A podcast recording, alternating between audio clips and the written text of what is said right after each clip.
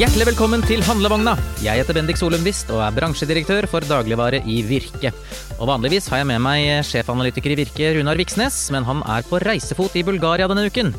Og når han kommer tilbake, er jeg veldig spent på om han på sin tur har observert reklame for usunn mat og drikke rettet mot barn. For i så fall, hvor skulle han henvendt seg? Jeg aner ikke hva den instansen heter i Bulgaria, men i Norge så heter den MFU, og det står for Matbransjens faglige utvalg. Og uh, ukens gjest er faktisk styreleder i MFU, så jeg tenker at jeg bare setter direkte over til min prat med ham. Hjertelig velkommen til handlevogna, Martin Berggren Rove. Tusen takk. Du er advokat og jobber til daglig i Orkla, men grunnen til at jeg har invitert deg hit til handlevogna, det er at du også er styreleder i det som kalles eh, MFU, som står for Matbransjens faglige utvalg. Det vil si organet som skal sikre at barn og unge ikke blir pepret fulle av reklame for usunn mat og drikke. Det er helt riktig. Litt av en oppgave? Eh, ja, det er det. Det er en viktig oppgave. Ja. Har du barn selv? Eh, ja, det har jeg. Jeg har to luringer. En på seks år denne helgen, og en jente på snart tre. Ok, gratulerer snart denne helgen. eh, men, men, har du da, etter at du ble far, altså har du merket noen endring i mengden reklame rettet mot barn? Altså man blir jo ofte oppmerksom på nye ting når man blir forelder, som for eksempel barnevognmerker. ja, det er klart. Det, det var jo en periode jeg var veldig opptatt av barnevognmerker og brystpumper og all den slags ting. Eh, men jeg har altså, egentlig ikke merka noen sånn stor forskjell. Og så er også mine barn såpass små at jeg kanskje ikke eh, søker det så mye. Det er klart, De har sine favoritter. De vet hvor i butikken isen er, de vet hvor druer og bananer står som de liker, og hvor skyren er. Uh, usikker på om det har med markedsføringen å gjøre, men de, de har jo sine preferanser. Eh, og her tenker jeg at, eh, som vi sikkert kommer inn på, så er det jo, er det viktig at det gjøres liksom skikkelige målinger av hvilket trykk det er av markedsføring mot barn. Nå er det kanskje et svar som går litt utenover det å være far, men det, og vi kommer sikkert tilbake til det. Men eh, vi får se når barna blir eldre, så ja. kanskje det blir annerledes. Ikke sant. Nei, fordi seksåringer har vel i de aller fleste tilfeller ikke egen mobiltelefon, og det er vel litt sånn kanskje restriksjoner på hva de får se på av eh, ting på TV-en og sånne ting? Vi prøver, vi prøver så godt det lar seg gjøre. Ikke sant. Men øh, vi skal jo få litt øh, klarhet i hva, hva, MFU er, også, sånn at lytterne kan bli litt bedre kjent med denne ordningen. Altså, når ble MFU opprettet, og hvorfor? Du, det var i, i, 2013, og så var det full virksomhet fra 2014. Eh, og bakgrunnen for det var eh, at i 2000, eller helt fra 2010 eh, var et ganske omfattende utredningsarbeid, og så ble det utformet et par forslag til forskrifter som skulle regulere markedsføring av mat og drikke eh, overfor barn. Ja, det var under daværende helseminister Støre, faktisk. Oh, nåværende statsminister. Nåværende statsminister. Mm. Eh, og så ønsket næringsmiddelbransjen å spille en rolle i den sammenheng, og så etablerte de MFU i dialog med myndighetene, som et såkalt selvreguleringsorgan. Som da kan veilede aktørene og ta imot og avgjøre klager. Eh, og det er jo en anbefaling i EU og EØS at man prøver den veien først, eh, ordentlig. Og hvis det ikke funker, så får man se på på en måte lovgivning isteden. Eh, og det henger jo sammen med hensynet til frihandel og konkurranse og alle sånne aspekter som blir tyngre så fort det går over liksom, i, i, lovgivningssporet. Mm. Eh, og da MFU ble etablert, så gjorde man det eh, nærmest som en blåkopi av det forskriftsforslaget som da forelå. Samme produkter som var omfattet, og reglene var i og for seg stort sett identiske med det som var foreslått som forskrift. Og siden det så har jo MFU blitt skjerpa inn en, en rekke ganger de ti, snart ti årene det har vært i kraft. Ja, Hva slags type innstramminger eller skjerpelser er det man snakker om da i den ordningen? Nei, da har man jo blant annet eh, fremveksten av sosiale medier når det ble et problem, så man har laget en egen veileder for det og vært mer konkret på hva som alltid skal anses som forbudt. Altså hva som ikke er aktsom, hva som ikke er lov. Eh, man har tydeliggjort eh, noen aldersgrenser, så kommer vi sikkert tilbake til en diskusjon om det, for de bør kanskje ytterligere tydeliggjøres. Så har man gått sammen med kinobransjen for å hindre markedsføring eh, omkring eh, barnefilmer, altså av den type produkter som, som betegnes som HFSS eller usunne, sånn at det kom bort. Så man har gjort flere sånne grep etter hvert som man har sett utvikling eller sett nye problemer oppstå. Og der var det en gøyal forkortelse som jeg ikke har hørt før. HFSS, den må vi hjelpe lytterne litt med. Ja, det er egentlig eh, kort forklart eh, det som man ofte kaller liksom, for usunn mat, men det er jo eh, mat som har et høyt innhold av sukker, salt og mettet fett. Er det engelsk? Det er engelsk. High fat en, uh, Sugar and uh, salt? Ja. HFSS? Ja, ok. Det er såpass logisk, ja. Ja da, det er det. Og når vi først snakker om forkortelser, eh, altså disse trebokstavsforkortelsene som eh, typisk sånn stammespråk som man hiver rundt seg eh, og, og sånn, det er jo ikke så gjennomtrengelig for folk flest.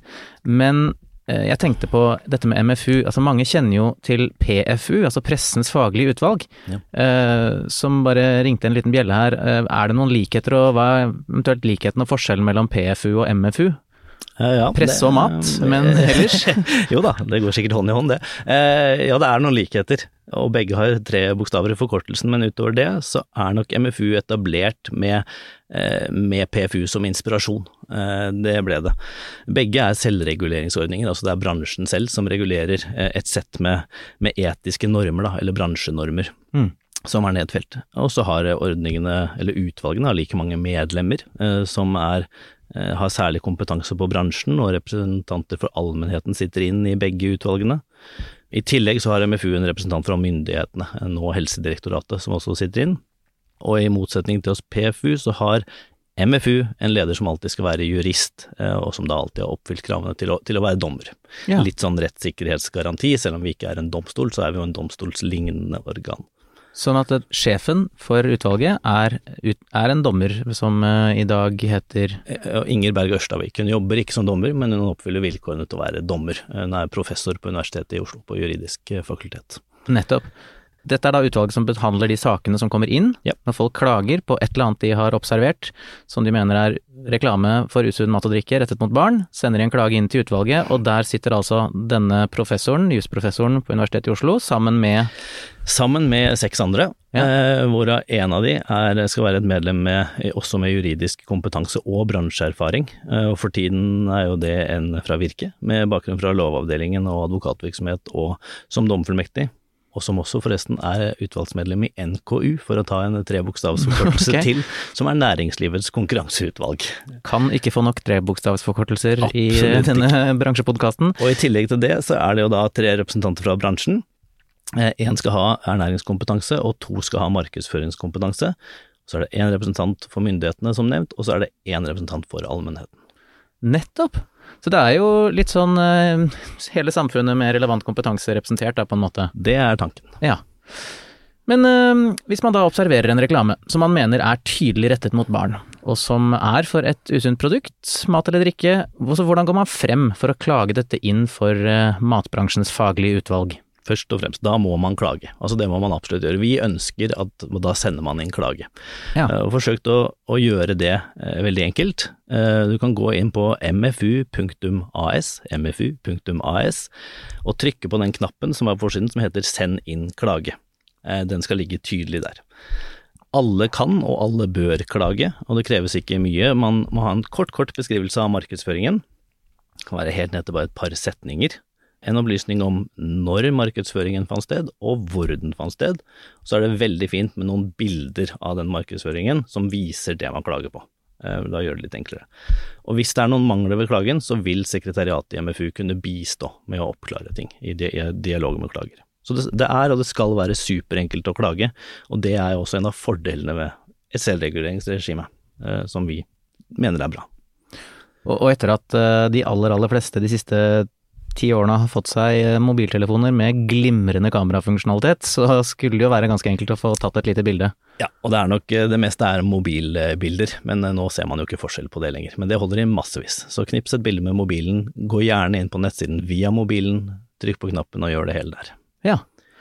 Eh, Men altså, er folk klar over dette her? Det, dette er, er jo mange, mange mennesker i dette landet som eh, går rundt og handler og har barn. Eh, Tror du folk flest eh, kjenner til MFU? Ja, altså Der er det jo gjort noen undersøkelser tilbake i tid, eh, og der eh, tror jeg det var eh, om det var 58% som svarte ja på at de kjente til MFU. Men det er klart, da får du spørsmålet kjenner du til MFU, og vi har vel en hang til å ville si ja på sånne spørsmål. Ja. Og så tenker jeg uansett så er det en jobb å gjøre for å gjøre den ordningen bedre kjent, og gjøre bedre kjent hvor, hvordan man kan klage, og kanskje særlig hvor enkelt det er. Ja, for akkurat det, da er jo liksom terskelen for å klage veldig mye lavere når man vet at det er liksom bare å gå inn, laste opp et bilde med to setninger, og så trykke send inn. Ja. Uh, hvis du hadde måttet fylle inn 15 skjemaer og vente to uker, så er det ikke sikkert at så mange hadde orket eller giddet. Nei, og det er hele poenget med å ha det så enkelt. Og så går det selvfølgelig på bekostning av litt detaljeringsnivå, men sånn, sånn har vi valgt å gjøre det, for å skulle gjøre det enkelt å klage. Ja. Men du, hvor mange klager er det som kommer inn per år? Det varierer jo litt. Eh, sånn i snitt så er det vel, altså hvis jeg sier 25, så er det nok et ganske treffende årlig anslag Ja. eh, på gjennomsnittet. Og hvor mange av disse blir behandlet? Ja, det er alle sammen. Alle, alle klager som kommer inn, behandles. Vi mener det er viktig for tilliten til ordningen. Altså når en forbruker først tar seg bryet, da, selv om det er enkelt, med å klage, så mener vi at den klagen bør behandles. Hvis ikke så er det mindre sannsynlig at vedkommende klager neste gang. Eh, Så alle klager skal behandles, eh, selv om det krever litt ressurser. Og Sånn sett så skiller jo MFU seg fra en del offentlige klageorganer som rett og slett ikke har kapasitet eller ressurser til å behandle alle klager som kommer inn. Har du noen eksempler på det? Fra, særlig innenfra matbransjen, da? Eller matverdikjeden? Ja, man har det i i hvert fall på, på markedsføring, så har du liksom et forbrukertilsyn eh, som gjør en kjempejobb med å, å lage gode veiledninger, og som også har dialog som utgangspunkt for sin eh, håndtering av, av markedsføring og alle andre områder de ser på. Eh, men de får altså inn eh, tusenvis av klager og tips i året, og jeg tror at de i snitt har et sted mellom 5 og 15 vedtak på alle områder i året. Så det er klart, det er, det er få vedtak. Samtidig så vil jo ikke det Det er ikke epler og epler å sammenligne Forbrukertilsynet og MFU. Det er totalt forskjellige områder. Altså MFU har et bitte lite avgrenset område i den store sammenhengen de håndterer. Mm. Forbrukertilsynet har veldig, veldig mye, eh, og de har også en, en opplæringseffekt. Eh, Så det er ikke helt likt å sammenligne det, men, men veldig, de aller fleste av klagene til Forbrukertilsynet blir jo ikke behandlet. Eh, Og sånn er det. Det er litt ressurser og litt rollen et sånt tilsyn har. Men til de lytterne som ikke var klar over at MFU fantes, og nå vet det, da er det i hvert fall ingen grunn til å ikke klage hvis man ser noe man syns virker som eh, markedsføring for usunn mat og drikke rettet mot barn. Da syns jeg de skal klage med en gang. Ikke sant?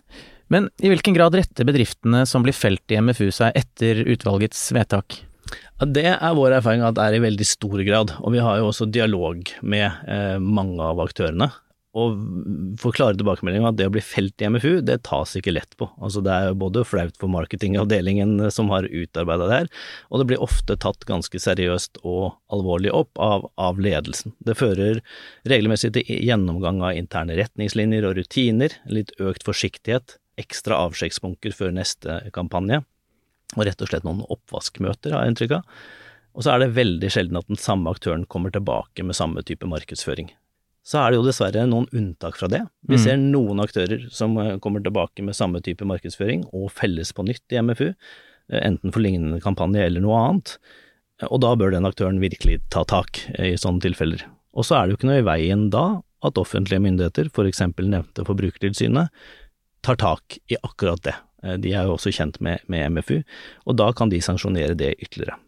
Og vi har allerede offentlig regelverk som gir fullstendig grunnlag for det. Ja, men MFU kan da ikke gå inn og gjøre noe med såkalte repeat offenders, men da er det liksom opp til de offentlige myndigheter som f.eks. For Forbrukertilsynet å, å ta grep. Ja, vi har ikke noen sånn myndighet eller mulighet som en privat organisasjon til å ilegge f.eks. bøter. Det måtte i tilfelle være hvis på en måte alle aktører i bransjen var enige om det, men jeg, poenget er at du får ikke alle aktørene til å være liksom medlem samme sted eller være enige om det samme, og vi ønsker ikke å utelukke klager fra aktører som ikke har sluttet seg til MFU-ordningen. Vi ønsker at man kan klage på alt man ser, at ikke forbrukeren skal måtte vurdere sånn, ja, er dette et medlem av organisasjon X? Nettopp. Så vi, det skal ikke forbrukerne forholde seg til. De kan klage på hva som helst, og det skal behandles og fattes vedtak på alt. Men hvis det er en bedrift som ikke retter seg etter et, eh, et MFU-vedtak, så er det vel gjort ganske mye arbeid hos MFU som da Forbrukertilsynet kan ta utgangspunkt i som en del gratisarbeid, rett og slett, som er blitt gjort allerede. Det er det absolutt, og vi har, har jo noen nylige litt, eh, altså iallfall profilerte saker, eh, og kanskje en litt artig uttalelse, hvis jeg kan si det. Vi hadde altså godteributikken Fast Candy, som en del har hørt om, som Ja. markedsfører seg ganske tungt på, på TikTok. Eh, de eh, ble klaget inn og felt av MFU, eh, og da media tok kontakt med Fast Candy og, og sa dere er felt av MFU, hva gjør dere nå? Så svarte de da feller vi MFU tilbake.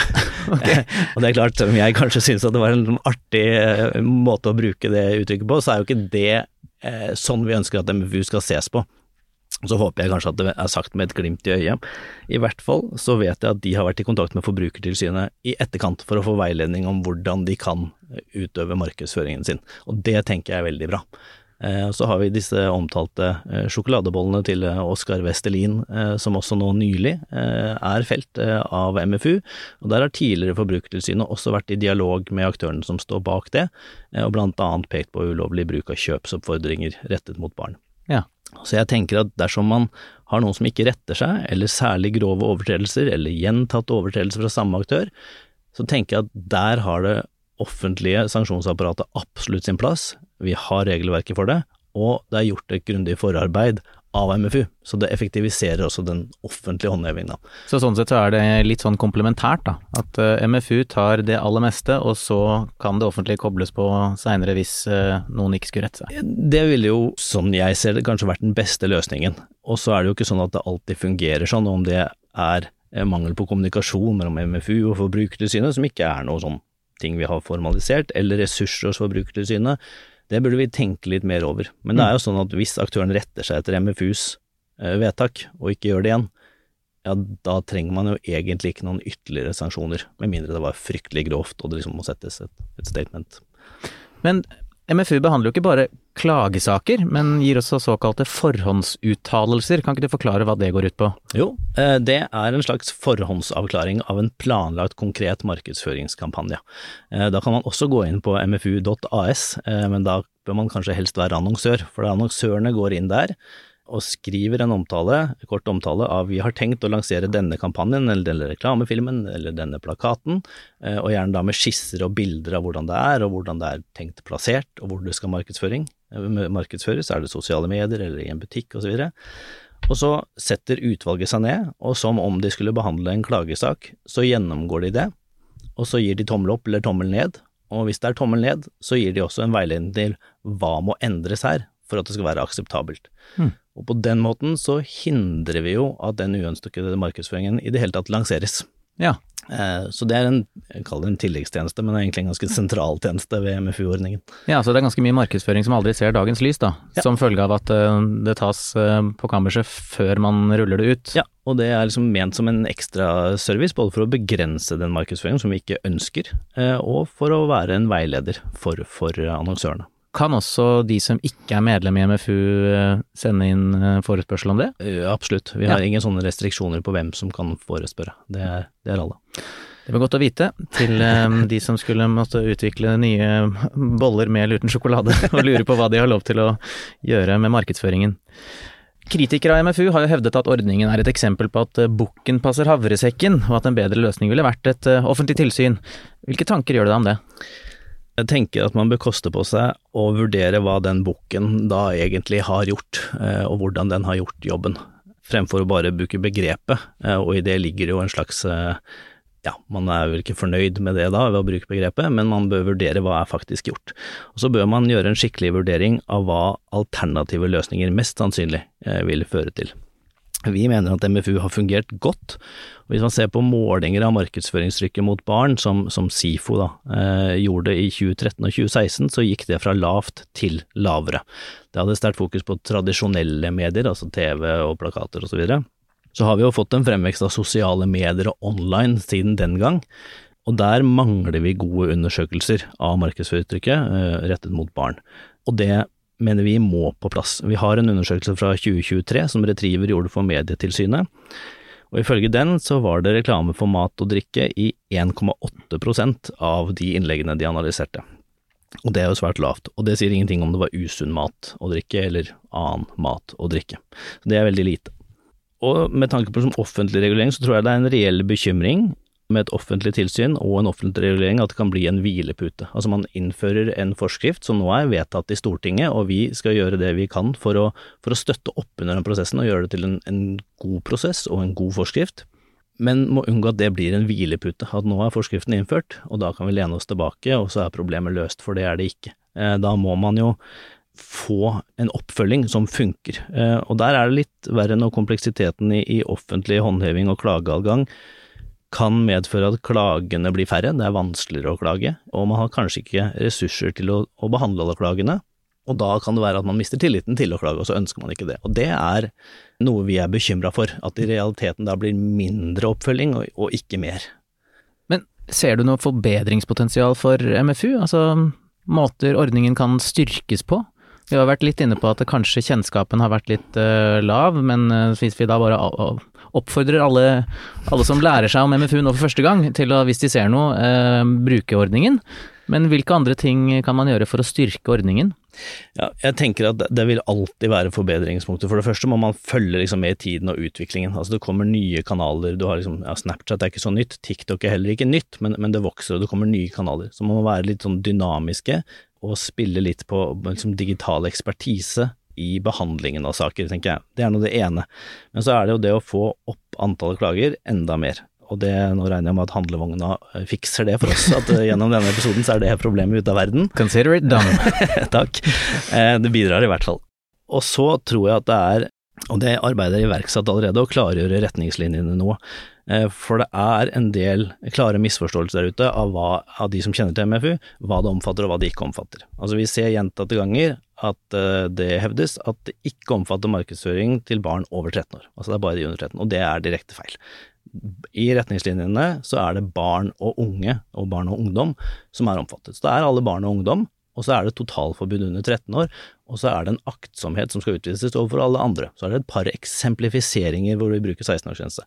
Så det er ikke en 13-årsgrense. Ser du en markedsføring du mener er rettet mot en ungdom, eh, og du mener at dette er liksom å gå for langt, klag den inn. Den må ikke være retta mot barn under 13. Så det er også en feil. Det samme gjelder eh, en del forstår som at emballasje, at vi ikke vurderer emballasjen på produkter i det hele tatt, det er også feil. Det, det fremgår av retningslinjene om at man gjør, og det finnes en haug av vedtak som har med emballasjen å gjøre, og hva som står på emballasjen, og konkurranser på emballasjen osv. Eh, og det samme gjelder eh, plassering og oppstilling på utsalgssted, altså i butikken eller på en nettside. Eh, det eh, hevdes også regelmessig at det ikke er omfatta i det hele tatt, at MFU ikke vurderer det, men det gjør de. Og det finnes masse vedtak som går på eh, plassering i butikk som et av elementene som vurderes. Så jeg tror at ved å få tydeliggjort det enda mer, da, som det virker som om det er behov for, mm. så blir også forståelsen av MFU-ordningen bedre eh, hos alle aktører, og forbrukerne også. Man forstår at her kan du klage inn hva som helst, og så er det MFU som får ta stilling til om dette er retta mot barn og unge eller ikke, men klag nå likevel inn ja. og så får vi gjort det.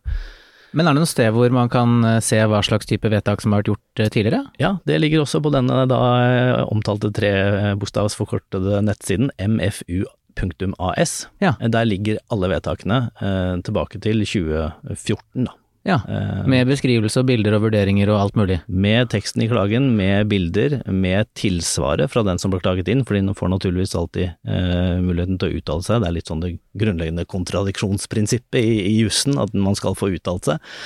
Eh, og så ligger da utvalgets eh, vurdering.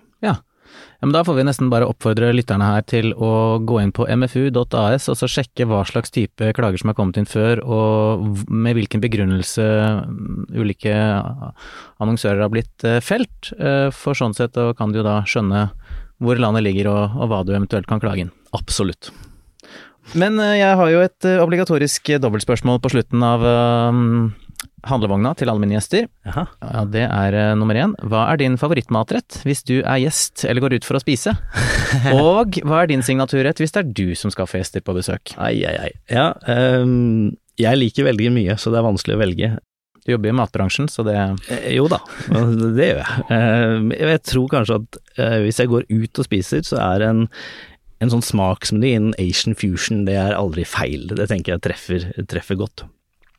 Eh, men så må jeg vel si, og det er kanskje savnet som gjør det mest, eh, en skikkelig god kebabtallerken. Eh, det, det er det for sjelden jeg spiser, og så nytes jo den best når kvelden har blitt til natt. Ja. Og det betyr jo også at jeg virkelig må gå ut for å få gjort det her. Det skjer ikke så ofte for tida, men, men kebaben smaker ekstra godt når det skjer. Det du savner er en skikkelig bytur med gutta, og så innom Torgata. Ja, man blir veldig sliten av det for tida, men, men, men, ja, det er det. Og så må jeg hylle de som har kommet på kombinasjonen av daddel og bacon. Det daddel og bacon, du? Daddel og bacon, når man får det i sånn Ja, surra, sånn, ja. ja. Det syns jeg er helt Altså, den som kom på det, det er, eh, er fantastisk. Ja, hvis det er noen av lytterne som vet hvor den eh, miksen der kom fra, så post det i Facebook-gruppa. Ja. Veldig bra. Ja, så var det noe signaturen hvis jeg får gjester.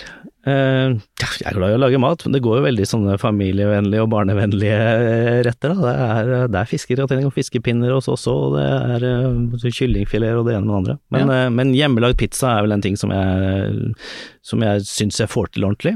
Ja. Alle typer gjærbakst syns jeg er fint på. Og så en liten innrømmelse, da, er at jeg er periodemedlem i den såkalte surdeigsmafiaen.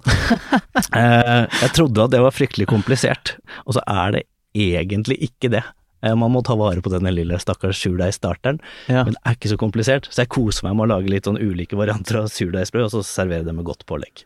Altså, dette her er en sånn fauna som jeg ikke har rukket å bli kjent med ennå, Ja. men uh, det må vi kanskje nesten ha en egen episode om. Uh, jeg har skjønt at det er litt sånn nisjeopplegg, Det er virkelig det også. så Men, eh, du er en sånn fyr, altså. Ja, det var det jeg var litt redd for, men, men uh, periodevis. Ja.